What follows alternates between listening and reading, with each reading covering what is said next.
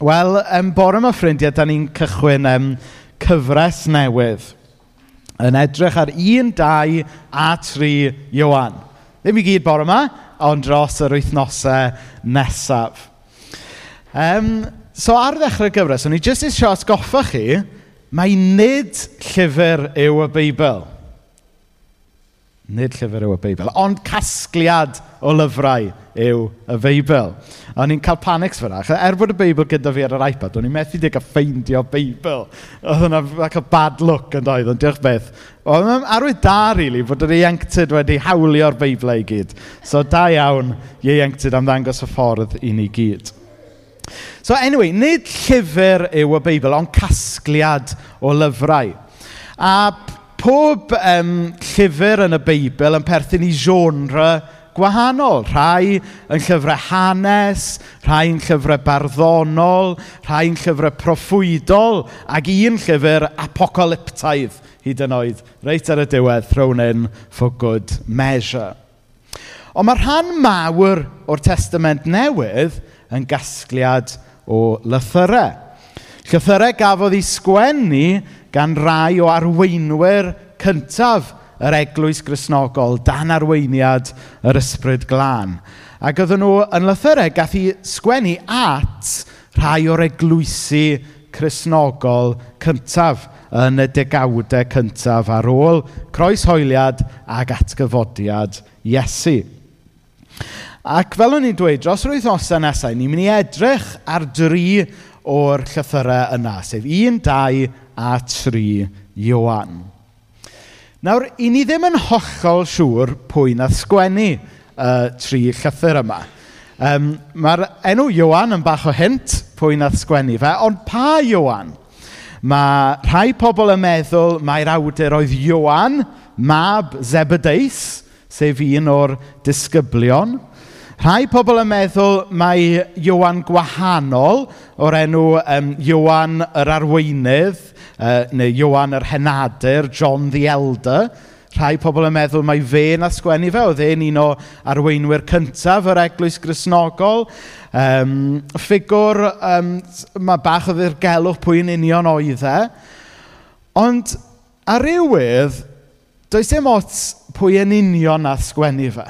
Achos da ni yn credu fod yr Ysbryd Glân wedi rhoi arweiniad, wedi anadlu mewn um, i'r gair yma.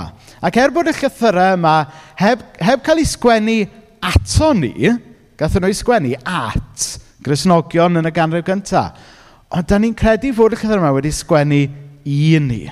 Achos da ni yn credu yn yr eglwys yma fod gair dew yn air byw i bobl ym mhob oes. Wrth gwrs, mae e'n bwysig bod ni yn mynd mewn peiriant amser ac edrych ar y cyd-destun gwreiddiol. Wrth gwrs bod e. Ond da ni'n credu fod gair Dyw yn gallu bod yn enaid yn fywyd i bobl ym mhob oes. Felly cofiwch y catchphrase yna, bod y llythyrau yma heb cael ei sgwennu ato ni, ond maen nhw wedi cael ei sgwennu i ni, er lles yn eneidiau ni.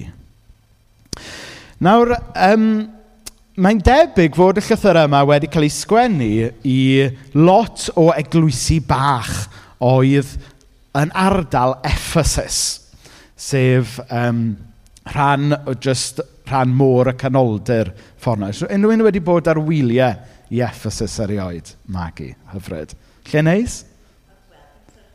I, na ni. Eh? Cynhesach na Cynarfon bore yma, mae'n siŵr. Ie. Yeah. Diddorol iawn. Wel, gewch chi fwy o hanes Ephesus dros baned gyda magu ar y diwedd. So maen nhw'n lythyrau gath i sgwennu i eglwysu yn ardal Ephesus ar y pryd. A mae'n debyg mi oedd yr eglwysu yma ar y pryd wedi bod trwy rhyw fath o crisis. Rhyw fath o amser anodd, rhyw amser cythryblus. Mae'n bosib mae crisis diwynyddol um, cwestiwn ynglyn â beth oedden nhw'n ei gredu oedden nhw wedi bod trwyddo. Achos mae'n debyg oedd rhai pobl oedd yn rhan o'r eglwysi yma wedi stopio credu mae Iesu oedd y Meseia. Oedden nhw falle wedi slipio i feddwl mae jyst athro da oedd e, ond bod e ddim yn Feseia. Mae'n bosib hefyd bod nhw wedi bod yn mynd trwy rhyw fath o crisis moesol, sef fod yna rhai pobl yn yr eglwys wedi dechrau byw mewn ffordd oedd ddim yn ffyddlon i ffordd Duw. A bod nhw'n byw mewn ffordd oedd ddim yn dod â enw da i'r eglwys ac i Dduw. Neu, mae'n bosib bod e'n gyfuniad o'r ddau. Achos dwi'n gwybod amdano chi, ond pan dwi'n tynnu llygad fi oddi ar Iesu, yna dwi wedyn ddim yn byw mewn ffordd mor deilwng o Iesu. Hynny yw, mae, mae beth da ni'n credu yn aml yn effeithio sut da ni'n byw yn dydy. Ac yn aml mae crisis ynglyn â beth da ni'n credu yn effeithio crisis ynglyn â sut da ni'n byw yn bywydau. So, beth bynnag yn union oedden nhw'n mynd trwyddo, mae'r llythyr yma yn cael ei sgwennu at grisnogion, at eglwys, oedd wedi a falle dal yn mynd trwy amser anodd am wahanol resymau. Nawr, da ni'n byw mewn oes le mae'n teimlo fel bod ni'n mynd trwy amser anodd trwy'r amser. A dwi ddim yn siarad yn benodol am yr eglwys, jyst yn gyffredinol. Da ni'n byw mewn oes turbulent iawn yn dydyn. Um, da ni'n mynd o un crisis i'r llall. Boed hynna ar lefel y wlad, chybod, gyda prif weinidog yn mynd a dod yn, yn fwy um, cyflym na dwi'n cael hot meals weithiau, tyfod? Neu um, bod ni'n mynd trwy amser turbulent yn bersonol. A dwi'n gwybod lot ohonych chi wedi bod trwy amseroedd anodd dros y misoedd diwetha. Boed hynny oherwydd salwch, bod hynna oherwydd pwysau gwaith, bod hynna oherwydd pryder o ba bynnag fath. Da ni yn byw mewn amser o crisis yn dydyn. Ac felly, mae'r llythyrau yma sydd wedi cael ei sgwennu i annog Cresnogion wedi bod trwy crisis, gobeithio mynd i fod yn help i ni hefyd, i'n calanogi ni, i'n hatgoffa ni o beth sy'n ganolog i'n ffydd, ac hefyd gobeithio cynhesu yn calonau ni eto efo'r newyddion da am Iesu Grist. So, y peth ola o'n i eisiau dweud um, fel cyflwyniad yw fod y llythyr cyntaf da ni'n mynd i fod yn edrych arno dros y mis nesaf, un Iowan, dyw e ddim yn lythyr confensiynol. Yn cofio pan o'n i'n ysgol, o'n i'n cael yn dysgu, tybod, sut i sgwennu llythyr, tybod. Ac, um, ond mae hwn yn lythyr anghonfensiynol, oherwydd beth yw'r llythyr yma ydy rhyw fath o bregeth farddonol, neu yn Saesneg, poetic sermon. Llythyr sydd yn llawn delweddau hyfryd yn atgoffa ni pa mor dda ydy Iesu Grist. Chybod, dwi'n cael llythyrau yn arbennig ar ôl symud ti, tyfod, ynglyn â how to set up your direct debit, a sut i dalu treth cyngor, sut i dalu hwn, talu llach, bladi, bladi, bla. Nid, nid llythyr llawn sort of instructions manual ydy hwn, ond llythyr yn llawn gwirioneddau hyfryd ynglyn â Iesu Grist. A dwi'n meddwl, a falle bod hwn chydig bach oherwydd personality fi, dwi wrth y modd gyda um, pa ma y llythyrau a rhannau o'r efengylau yn defnyddio barddoniaeth a cerddoriaeth i gyfleu gwirioneddau mawr. Chos dwi'n mynd gwir amdano chi, ond weithiau mae barddoniaeth a cerddoriaeth yn gallu cyffwrdd yn calonau ni mewn ffordd dydy jyst geiriau plaen a sych methu gwneud. Oes rhai ohonoch chi yn teimlo fel na? chybod? Meddyliwch yn ôl, tybod, um, pan o'n i'n tyfu fyny, pan o'n i'n ddeuddeg oed, dwedwch, o'n i'n, um, fel da chi'n gwybod, y Massive Oasis fan, tybod? O, wrth y modd, dal wrth y modd, gyda uh, cerddoriaeth Britpop. Ac, um, A chibod be? Meddwl nôl i cyfnod fi'n deuddeg oed, dwi dal i gofio pob un gair o bob can gan Oasis, ond dwi'n mynd cofio, ond dwi'n mynd cofio unrhyw beth o gwersi ffyseg a cemeg o'n i'n cael yn ysgol. A reswm pam yw mae barddoniaeth ac efo er...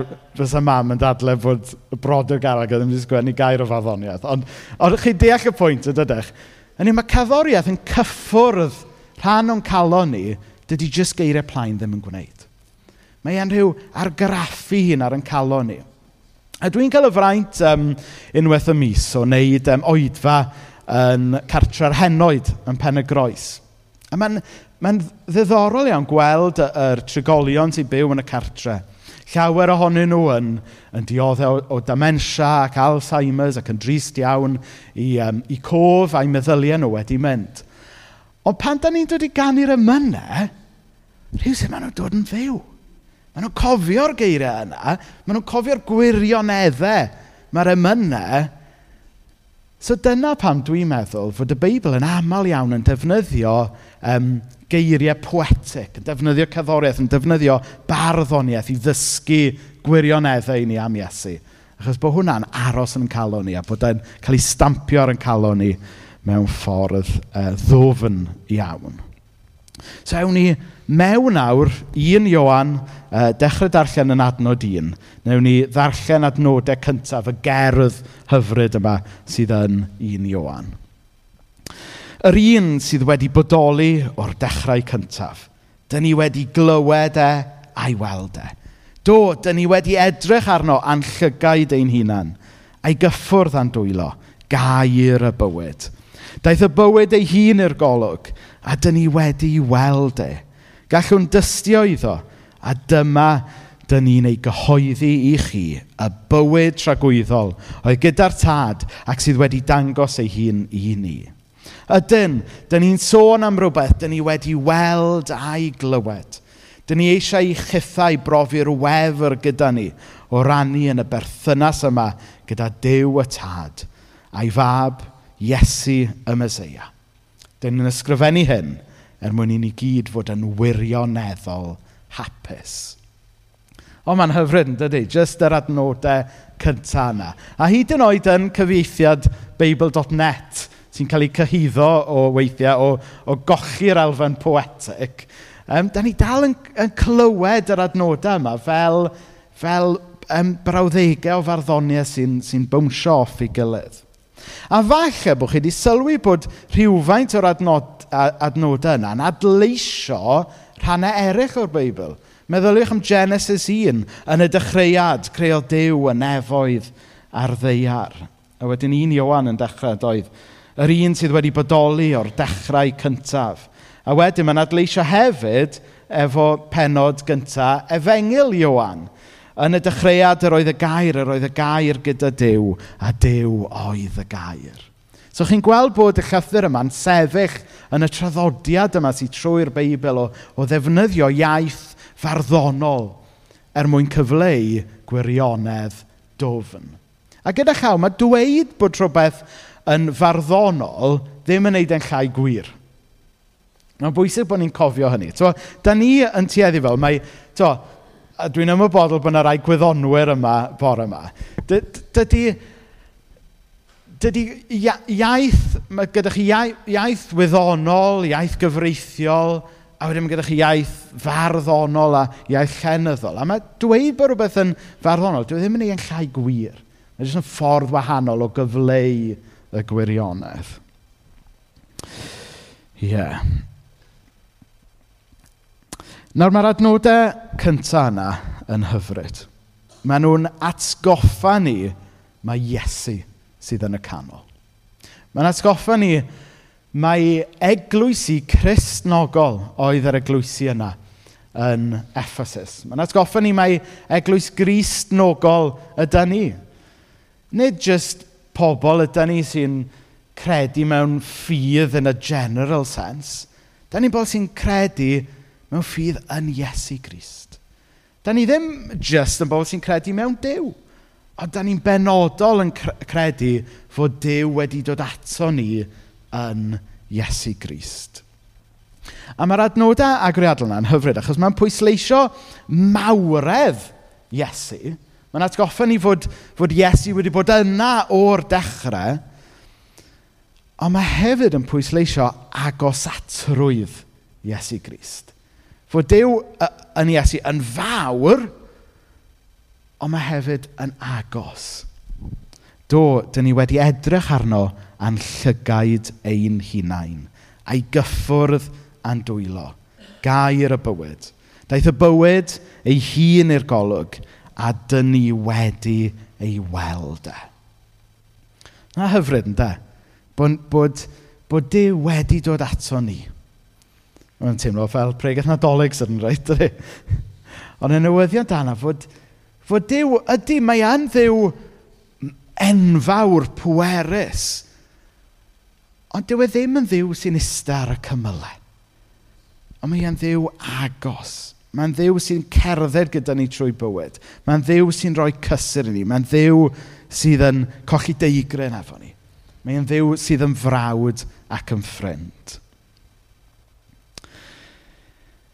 A mae hwn yn atgoffa ni ynglyn a be mae pobl dros y canrifoedd wedi galw yn the scandal of particularity. Gair mawr i chi bore yma. The scandal of particularity. Sef yn bod ni fel Cresnogion yn honni fod un person, Iesu Grist, yn achub yr holl fyd. Gair y bywyd Da ni'n credu fod Iesu o Nazareth, Dew wedi dod fel un dyn i achub yr holl fyd. Ac oedd yr particularity yma, oedd e'n shocking ar y pryd, yn arbennig yn y byd groegaidd yma, oedd Ephesus yn rhan ohono fe, achos oedd nhw'n, oedd e'n gyfnod ac yn oes, lle oedd lot o ddiwiau gwahanol. Ond y llythyr yma'n cyhoeddi, wel ie, Ond mae bywyd i gael yn yr un person yma, yn Iesu Grist. A mae e'n bach o sgandal yn yn oes ni heddiw, yn dydy? Mae, mae rhai pobl yn gweld yn offensif pan dyn ni fel Cysnogion yn dweud fod achubiaeth i gael mewn un person yn Iesu Grist. Ond dyw e ddim yn offensif oherwydd, ie, da ni yn dweud fod achubiaeth i gael yn un person, Iesu Grist, Ond da ni'n dweud fod hwnna ar gael i bawb. Mae achubiaeth i gael yn un person ydy, ond mae'r gwahoddiad yn eang i bawb ddod at yr Iesu yna. Wedyn, mae yr adnodau mynd mlaen wedyn, adnod 5 ymlaen, ar ôl um, pwysleisio lle canolog Iesu, i ddefnyddio'r ddelwedd yma o fyw yn y golau. A be wnawn ni weld dros yr wythnosau nesaf yw fod y tri chythyr yma'n defnyddio delweddau fel golau a tywychwch er mwyn siarad am y gwirioneddau yma. So adnod pump ymlaen dwi'n darllen nawr. Golau ydy Dyw. Does dim tywychwch o gwbl ynddo. Felly, os ydym ni'n honni fod gennym ni berthynas gyda Dyw ac eto'n dal i fyw fel petai ni yn y tywyllwch, mae'n amlwg ein bod ni'n dweud celwydd. Dyn ni ddim yn byw yn ffyddlon i'r gwir. Ond, os ydyn ni'n byw yn y golau, fel mae Duw yn y golau, dyn ni'n perthyn i'n gilydd. Ac mae gwaed Iesu ei fab yn ein glanhau ni o bob pechod. Nawr, dyn ni'n ymwybodol iawn yn dydyn o dywyllwch yn y byd yma. Mae dechrau eleni yn teimlo fel bod yn reit dywyll i lawer o bobl. Dwi'n bersonol wedi cael dechrau reit anodd i'r flwyddyn gyda colli um, thawl person o'n i'n adnabod a lot o straen o wahanol fath. A dwi'n ymwybodol fod llawer o dywyllwch wedi neu yn amgylchynu sawl un ohonoch chi oherwydd gwahanol resymau. Ond hyd yn oed os ydych chi ar hyn o bryd ddim yn profi tywyllwch, da chi falle wedi gwylio'r newyddion ac yn gweld tywyllwch yn bobman. Da ni'n byw mewn byd tywyll ar lawer gwedd.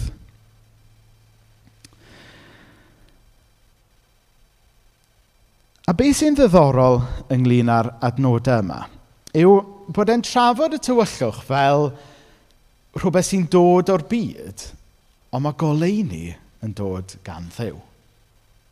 Ac er yn aml bod llawer o'r tywyllwch sydd o'n cwmpas ni tu hwnt i'n rheolaeth ni, mae'r adnod yma, dydyn, yn hintio y gallwn ni, falle'n fwriadol, neu falle'n anfwriadol, bartneri efo tywyllwch yn hytrach na dewis y golau. Nawr, be dwi'n golygu wrth um, partneri efo'r tywyllwch. Wel, yn syml iawn, weithiau mae modd i ni adael i'r tywyllwch sydd yn y byd ddod yn brif stori yn bywyd ni. Nawr, y reality yw fod na dywyllwch o'n cwmpas ni gyd, a fod na dywyllwch yn aml yn yn calonau ni i gyd. Ond does dim rhaid i ni fel pobl o ffydd adael i'r tywyllwch yna fod yn brif thema yn bywyd a'n stori ni. Weithiau, da ni yn gallu gadael i'r tywyllwch yn rheoli ni. Mae hwnna weithiau wrth i ni adael i ysbryd negyddol ddod yn rhan o'n cymeriad ni. Alla fe fod drwy bod ni'n meithrin rhyw ysbryd beirniadol o bopeth trwy'r amser. Alla fe fod wrth i ni adael i rhywbeth um, fy'n chwerwi chybo, yn yn calon ni, yn yn meddwl ni. bod ni'n chwerwi oherwydd rhyw sefyllfa ni, chwerwi yn erbyn person arall. A'r delwedd yma mae Iwan defnyddio yw tywyllwch. Ond mewn rhan eraill o'r Beibl, mae'r gair pechod yn cael ei ddefnyddio i ddisgrifio y tywyllwch yma. A chybo, pechod yw'r elfen yna o gymeriad pob un ohono ni sydd angen derbyn iachad. Pechod yw'r elfen yna sy'n nghalon pob un ohono ni, da ni angen rhoi drosto i ddew er mwyn derbyn maddeiant ac ail gyfle. Ond weithiau, da ni'n dal mlaen i'r tywyllwch yn dydyn. Weithiau, da ni'n gallu dod yn gyfforddus yn y tywyllwch am wahanol resymau. Yn ytrach na rhoi de drosto i ddew – a derbyn y myddeiant a'r benod newydd mae e wedi prynu i ni ar y groes. Um, mae yna berig i ni gyd, fel mae'r adnodau'n dweud, i ni fyw fel petai ni yn y tywyllwch. Ac os gael weid, mae hwnna'n her i bobl sy'n grisnogion hefyd, yn dydy? Er yn bod ni yn dweud yn bod ni wedi derbyn maddeiant y bywyd newydd yn Iesu, weithiau, da ni'n gallu byw fel tasau ni dal yn y tywyllwch. O na, oherwydd buddigoliaeth Iesu ar y groes, oherwydd atgyfodiad Iesu, da ni'n cael yn galw nawr i fyw yn y goleini. A peidio gadael i'r tywyllwch fod yn brif stori, yn stori ni o hyd. Mae Ioan, gan Ioan, newyddion da i'w ffrindiau. A mae fy newyddion da i ni. Sef, fel mae'r adnod yn dweud, golau ydy Dyw. Da ni gyd yn cofio'r adnod ys bod ni'n blant, Dyw, cariad Dyw. Wel mae adnod arall fan hyn, Dyw, golau yw. Golau yw Dyw. A mae hwnna yn newyddion da. Dwi'n gweld o newyddion da ar ddechrau blwyddyn. Nghanol tywyllwch y byd yma. Yng nghanol y tywyllwch sy'n aml yn dangos ei hun yn yng nghalon ni, mae newyddion da, mae golau ydy Duw. A fel mae'r gair yn dweud, mae'r goleuni wedi trechu y tywyllwch. Os ydym ni'n byw yn y golau fel mae Duw yn y golau, dyn ni'n perthyn i'n gilydd. Ac mae gwaed Iesu ei fab yn ein glenhau ni o bob pechod. Nawr dwi'n cofio unwaith, rhyw ddwy flynedd yn ôl, um, o mena wedi dod ato fi. Um, cwyno bod ei laptop i wedi torri. A beth i agodd y laptop eitha newydd? To, beth yw'r beth yw'r croc ma ti wedi prynu fi rhys? To, dyle ti wedi prynu hi'n iawn yn lle prynu rhyw cheapo un ar Amazon. Mae'n ma sgrin mor dywych, fedra i ddim gweld dim byd a fedra i ddim wneud yng ngwaith. Na mi'n cael un loc ar y laptop, gwasgu y bottom brightness a y sgrin yn iawn. a y brightness reit lawr gyda hi. Si roed y brightness lan, oedd yn hollol ffain. Heb iddi sylwi, oedd hi wedi bod wrthi trwy'r dydd yn neud i gwaith yn y tywyllwch, gyda brightness y sgrin reit lawr. Oedd hi wedi bod yn gweithio yn y tywyllwch heb iddi sylwi Fod hi jyst angen gwasgu botwm er mwyn cael y goleuni yn ôl. Wel, tybed o stretcho delwedd Iohan fan hyn. Oes angen i ni droi brightness yn ffydd i fyny ar ddechrau blwyddyn. Ydy ni wedi bod yn byw yn ffydd falle yn y cysgod. Ydy ni wedi bod yn byw yn ffydd yn y tywyllwch. Oes angen i ni droi brightness yn ffydd i fyny ar ddechrau blwyddyn wrth edrych ar Iesu. Tybed ydyn ni wedi bod yn, yn byw bywyd tlawd fel Cresnogion, yn byw yn y tywyllwch, yn byw yn y cysgod. Tybed oes angen i ni wneud penderfyniad ffydd ar ddechrau blwyddyn fel hyn. O droi cefn a rai o'r pethau negyddol, rhai o'r pethau um, sy'n bita ni'n fyw, troi cefn ar y tywyllwch a dewis y goleini o'r newydd ar ddechrau blwyddyn. Felly bod rhywun angen um, troi at oleini Iesu am y tro cyntaf bore yma. Neu felly bod chi wedi bod yn dilyn Iesu ers blynyddoedd, ond bod chi wedi slipio nôl i adael i dywyllwch y byd yma ddylanwadu gormod arnoch chi, a bod chi angen tynnu yn ôl at oleini Iesu ar ddechrau blwyddyn newydd. Golau ydy dew, Does dim tywyllwch o gwbl ynddo fe. So beth am i ni fel unigolion? Beth am i ni fel eglwys? Ddewis cerdded yng ngoleini Iesu o'r newydd ar ddechrau blwyddyn newydd. Nawr weithiau, mae troi'r golau ymlaen yn sgeri yn dydy. Achos um, weithiau, chwa, pan, pan os, os, os gennych chi um, rhyw stafell sbar neu rhyw stafell, da chi ddim yn mynd neu mynd fyny'r atig neu rhywbeth, a da chi'n rhoi'r golau ymlaen am y tro cyntaf sbel, a mae'n scary achos chi'n gweld yr holl wei pri cop yn dod. Ac oherwydd hynna, da ni weithiau yn dal nôl rhag troi'r goleini ymlaen. A falle bod rhywun yn y lle yna, falle bod rhywun yn ofyn troi'r golau ymlaen, achos bod nhw ddim eisiau wynebu y gwe pri cop Ond does dim amser yn well na dechrau'r flwyddyn i ni roi'r golau ymlaen, delio fo'r pry-cop. Hynny yw, figuratively dwi'n siarad am nawr. Dwi'n siarad am, am bethau yn yn calon, briwiau yn yn calon, pethau da ni wedi bod yn cario falle ers misoedd. Jyst angen i cyflwyno o'r newydd i Iesu. Derbyn i faddeiant, derbyn i achad ar ddechrau blwyddyn. Os ydy hwn yn, os ydych chi yn y lle yma, Achos mi ydw i, a fod yn onest, dwi'n teimlo bod yna llawer o dywyllwch wedi bod o'n nghwmpas i, llawer o dywyllwch dwi wedi gadael lle iddo fe yn yng nghalon. Ond ar ddechrau blwyddyn, dwi eisiau ymroi o'r newydd i gerdded yn y golau. Os ydych chi yn eisiau wneud hynny hefyd, gech gwahodd chi godi ar eich traed nawr, a newn ni weddio efo'n gilydd cyn i'r band ddod fyny.